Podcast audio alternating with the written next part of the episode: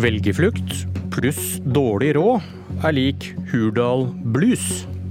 Tøffe prioriteringer. Det blir krevende. Å prioritere da hva vi skal bruke de offentlige midlene på. Blir det nå nye historier om gråtende statsråder på budsjettkonferanse?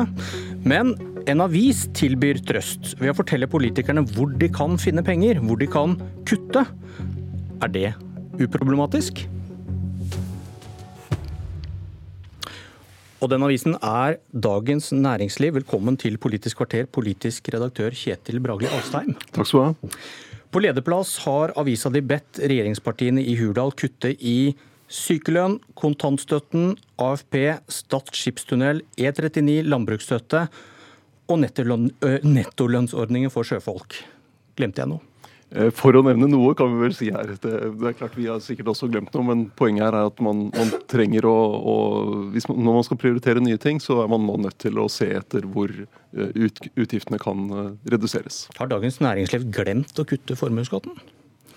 Eh, nei, det, men det er, jo, det er, jo, en kostnad. altså Da får du lavere inntekt. så det blir en, eh, Hvis man skal ha råd til å kutte i formuesskatten, så må man jo ja, prioritere vekk andre ting. Dere vil ha penger. Hvor mange milliarder ville regjeringen fått i hendene hvis, hvis, de hadde gjort som dere ber om? Eh, der, vi har ikke laget et, eh, et, helt alternativt, eh, et komplett alternativt budsjett med alle de regnestykkene. Det har vi dessverre ikke. Du, Ønsker dere å påvirke velgerne? Eh, Avisene har jo en lang tradisjon for å ha, ha meninger og ha ledere som uttrykker avisens mening. og og Det var jo utgangspunktet for mange av de avisene vi har i dag, at de ønsket å påvirke samfunnet. Enten om det var partiaviser, om det var sånn som uh, gamle Arbeiderbladet, som var Dagsavisen, som var uh, Arbeiderpartiorgan, eller VG, som uh, var, kom fra motstandsbevegelsen under andre verdenskrig, eller Dagens Næringsliv, som hadde et utgangspunkt med, med en som ville fremme sjøfolks, uh, sjøfolks kår. Så det er jo et utgangspunkt for, for de avisene vi har i dag, at de også har en rolle i samfunnsdebatten. Men ønsker dere å flytte stemmer for å få viljen deres? Å flytte stemmer, Vi ønsker først og fremst å påvirke og, og være en aktør, gi vårt bidrag inn i samfunnsdebatten. Og vi mener jo Eh, hvert år så mener vi noe om det statsbudsjettet som legges frem, og det gjør vi stort sett da dagen etter at det er lagt frem. I år så har vi i stedet prøvd å si fra litt tydeligere på et eh, tidligere tidspunkt, sånn at det kanskje kan ha en effekt. Men hvis man setter dette på spissen, hvis det dere skriver og mener så sterkt, flyttet så mange velgere at det hadde avgjort et valg, hadde det vært uproblematisk? Ja, det mener jeg. For det er jo en del av den åpne demokratiske debatten som, eh, som avisene skal, eh, og mediene skal bidra til. Men dere er ikke folkevalgt? Nei, vi, vi, vi, er, vi er en aktør i debatten likevel. Hvorfor kan ikke Dagens Næringsliv nøye seg med å rapportere om hva som skjer, forklare og kontrollere, og så overlate selve den politiske agiteringen til politikerne? Fordi du, avisen også har en rolle i den, den det å bidra i den samfunnsdebatten. og Fordelen for avisene er at vi ikke er eh, sånn som partiene, at vi, har, eh, at vi er en del av et samarbeid eller må forsvare de kompromissene som de inngår. Vi kan ha en, en rolle utenfra med Uh, uavhengig rolle, der vi uh, kommer med våre bidrag inn i samfunnsdebatten. Mener du at Dagens Næringsliv ser helheten og samfunnets behov bedre enn de som er folkevalgt? Uh, nei, det vil jeg ikke påstå. Men i, i, vårt åpne demokrati så er jo poenget å ha flest mulig stemmer som deltar i samfunnsdebatten. Vi prøver å bidra til å gjøre den så god som mulig. Akkurat som andre aviser som har lederartikler hver eneste dag. Dere foreslår kutt Irriterer du deg over aviser som roper etter mer penger til gode formål, uten å si hvor de vil ta de pengene fra? Jeg syns i hvert fall at det blir litt lettvint. fordi det er veldig lett å skrive en lang serie med ledere om eh, at vi burde hatt mer til, til, de veiprosjektene og mer til den nye behandlingen som noen pasienter burde få, eller mer til skole.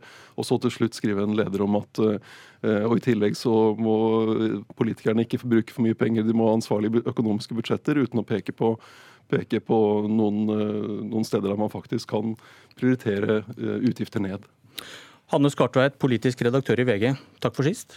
Takk for sist. Jeg skjønner hvor du skal nå. hvor tror du vi skal nå, Anders Skartveit? Forsvarsbudsjettet. Ja, fordi du, du snakket om at du vil ha 19 milliarder ekstra til forsvar. Og for alle som da har fulgt med i denne debatten, dette er mye penger i et budsjett hvor mye er bundet opp i gamle løfter og gamle folk, som det blir veldig mange flere av. Men du sier at du, du, ser det ikke som din oppgave å peke på hvor pengene skal tas fra. og Hvorfor mener du at VG skal bidra til et slikt dyrt krav, uten å ta ansvar for om Norge har råd? Som da øh, kanskje Alstheim sitter og irriterer seg litt over her. For det første så har jo også VG hatt flere ledere hvor vi har gått ut mot store utgiftskutt, type kontantstøtte. Eh, når regjeringen lagde nye regler for pensjonistene som gjør at du binder opp veldig mange milliarder i årene framover. Så vi mener jeg også har eh, gått inn for en del kutt og påpekt hvor politikerne sløser. Akkurat når det gjelder Forsvaret, så mener jeg at det er en særstilling. Fordi at hvis ikke du kan forsvare landet ditt, så hjelper det ikke hvor mye penger du har til eldreomsorg og barnehager og den type ting. Og vi er hjemmefrontens avis og har alltid argumentert for et sterkt og godt forsvar av Norge. Du, hva, hva tenker du om denne kampanjen til Dagens Næringsliv med disse lederne som tydelig peker på at dette bør politikerne gjøre i forkant av en viktig budsjettkonferanse? Jeg synes Det er interessant. Vi har aldri gjort det. Jeg tror aldri vi kommer til å gjøre det. Jeg tenker at Vår rolle er ikke å være et politisk helhetlig parti, men jeg syns det er eh, fint at Dagens Næringsliv gjør det. Jeg har lest de lederne med stor interesse. Kalte du nå Dagens Næringsliv et helhetlig politisk parti? Nei, jeg sa at vi er ikke det. Men eh, nei, de er heller ikke det. Heldigvis. Heldigvis. Du, er det, til det, det vi snakket om i stad, er, er det greit hvis meningsjournalistikken flytter velgere? Velgere å ha makt på den måten? Poenget er at avisene er jo eh, frie, uavhengige stemmer, lederartiklene. Du har akademia, som på en måte ser samfunnet litt sånn i, i, på avstand og gjerne i fortid, og betrakter det litt mer eh, intellektuelt akademisk. Og så har du politikerne, som er bundet av sine partier, og som er makta. Vår jobb er å passe på makta og ta makta. Vi er en fri stemme. Og så må folk selv velge om de blir påvirket av våre meninger eller ikke. Men jeg tror ikke jeg håper at noen leser oss og er enig i det vi sier, men det at det er frie, gode stemmer i debatten, mener jeg er et utelukkende gode. Hege Ulstein, kommentator i Dagsavisen. Kunne Dagsavisen skrevet fem ledere på rad der dere argumenterte for alt vi kan satse på hvis skattene økes med 30 milliarder? Ja, det kunne vi gjort. Eh, men eh, jeg tenker jo at jeg syns denne debatten er interessant, for jeg syns den viser veldig tydelig at avisene har forskjellige politiske grunnholdninger og eh, prioriterer forskjellig politisk. Og jeg har jo tenkt på dette når jeg har lest de lederne som, eh, som Dagens Næringsliv har, og sett hvilke kunne stått hos oss, og hvilke kunne ikke stått hos oss. Og det, det kommer jo veldig tydelig fram at det er noen ting vi er veldig enige om, og så er det noen ting vi overhodet ikke er enige om. Og så syns jeg det er interessant i tillegg at det er noen saker som nesten alle avisene er enige om, men som ingen politiske partier tør å løfte inn i debatten. F.eks. det med å skrote taxfree-ordningen tror jeg nesten alle norske aviser har eh, gått inn for på lederplass. Og også kutte i kontantstøtten. Jeg tror jeg, i hvert fall de fleste avisene har gått inn, på, inn for lederplass. Det er det ingen politiske partier som tør å, tør å kjøre fullt ut på samme måten. Eller i hvert fall ikke med den samme konsensusen. Og Det syns jeg sier noe om at vi har en veldig viktig rolle i, i den åpne, frie, demokratiske samtalen. Og at, eh, å, å, tenke seg at det skulle være noe som bare er forbeholdt yrkespolitikere, det er i hvert fall en vei jeg ikke syns er veldig god å gå for et samfunn. Da. Jeg tror det er bra med mange stemmer, altså enten det er organisasjoner, medier, politiske partier, akademia eh, og helt vanlige folk, som også Eh, fortsatt, selv om vi har sosiale medier nå, har, har oss som en viktig kanal inn til offentligheten. Men hvis, eh, blir det et problem hvis pressen, da, som da ikke er folkevalgt, men har denne rollen dere nå forsvarer, løper i flokk? Nesten alle klager da, som du er inne på, over at regjeringen har brukt for mye oljepenger. Men ingen tar til orde for å bruke mer oljepenger ved å skille drift og investeringer, som et stort parti som Frp vil. Ja, nå er jeg litt usikker på hva Trygve Hegnar har skrevet om det. Men han er jo en av de altså, i Finansavisen. Han har jo øh, forsvart oljepengebruken eh, langt på vei. I motsetning til de fleste andre aviser som har ment at, at oljepengebruken er, har vært for raus. Sånn at du finner vel, finner vel en alternativ stemme der. Men bør dere passe dere når dere mener det samme? Det er alltid lurt å tenke, seg, tenke gjennom saken, i hvert fall, hvis alle sier det samme. Men det er jo Eh, hvert fall, eh, jeg syns taxfree-ordningen er et eksempel på, eh, på, hvilken rolle avisene kan ha. Jo, politisk sett er jo det en sak som er ekstremt vanskelig å pirke i. Fordi, fordi er, mange har et nært og kjært forhold til taxfree-posen. Mens avisene som ikke skal ha velgere, kan, kan ta mindre hensyn til akkurat det. Et annet eksempel er jo boligskatt. hvor Hvis man snakker med politikere fra nesten alle partier, ansvarlige finanspolitikere, så mener nok de at det er riktig å ha økt boligskatt og mindre skatt på arbeid og mer skatt på kapital og bolig, ikke minst. Mens det tør de ikke å si. Mens det kan man jo, lederartikler i avisene skriver jo det på en måte går inn i de problemstillingene som politikerne bare viker unna for at de syns det er ubehagelig å tape velgere på. Det mener jeg også er en viktig funksjon for avisens lederartikler.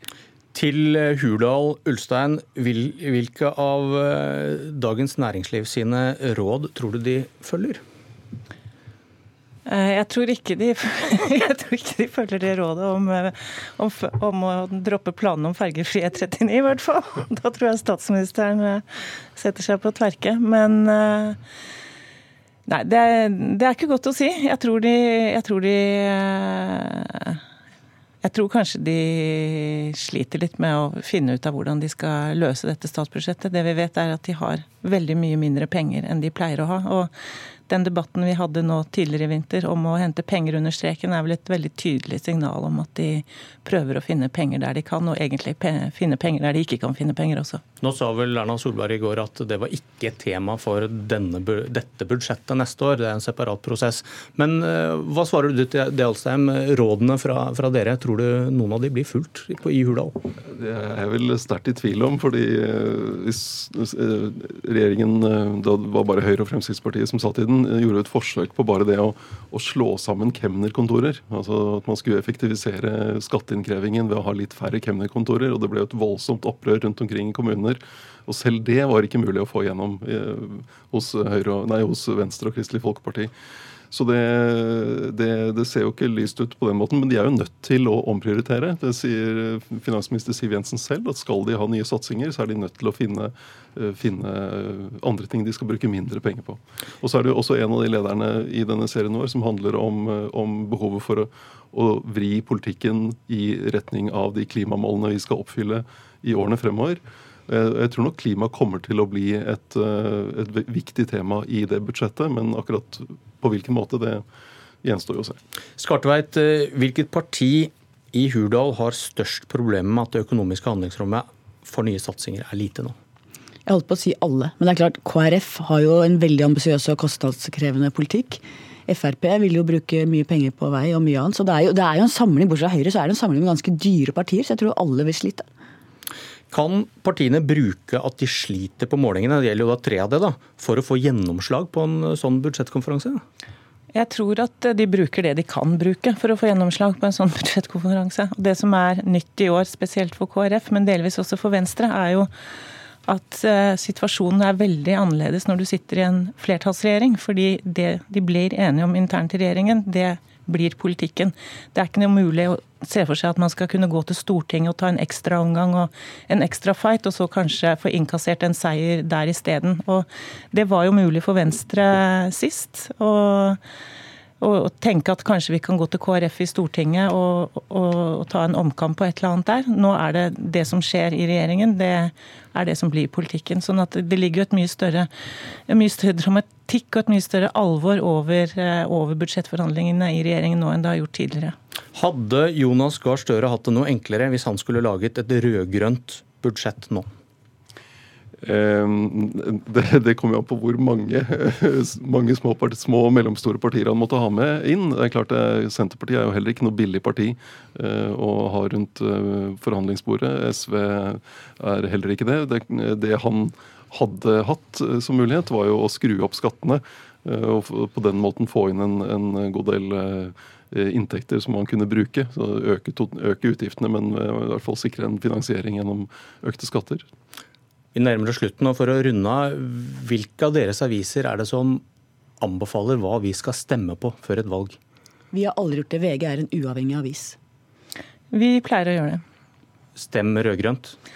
Ikke stem Arbeiderpartiet, ikke stem SV? Vi, vi har, det har variert litt fra valg til valg, for det er jo en prosess som man må se på. Men vi, vi er en avis på venstresiden, så vi vil jo Det er, det er stem rød-grønt, og så er det noen av partiene på rød-grønn side. Det varierer fra gang til gang. Og vi slutter der vi startet, Dagens Næringsliv. Eh, DN begynte med det i 2001 og har gjort det på, med litt ulike formuleringer ved hvert stortingsvalg. Vi er også en uavhengig avis, men vi tar konsekvensen av at vi mener ting hver eneste dag resten av året. Da mener vi også noe når det er valg. Takk for laget. Dette var Politisk kvarter. Jeg heter Bjørn Myklebust.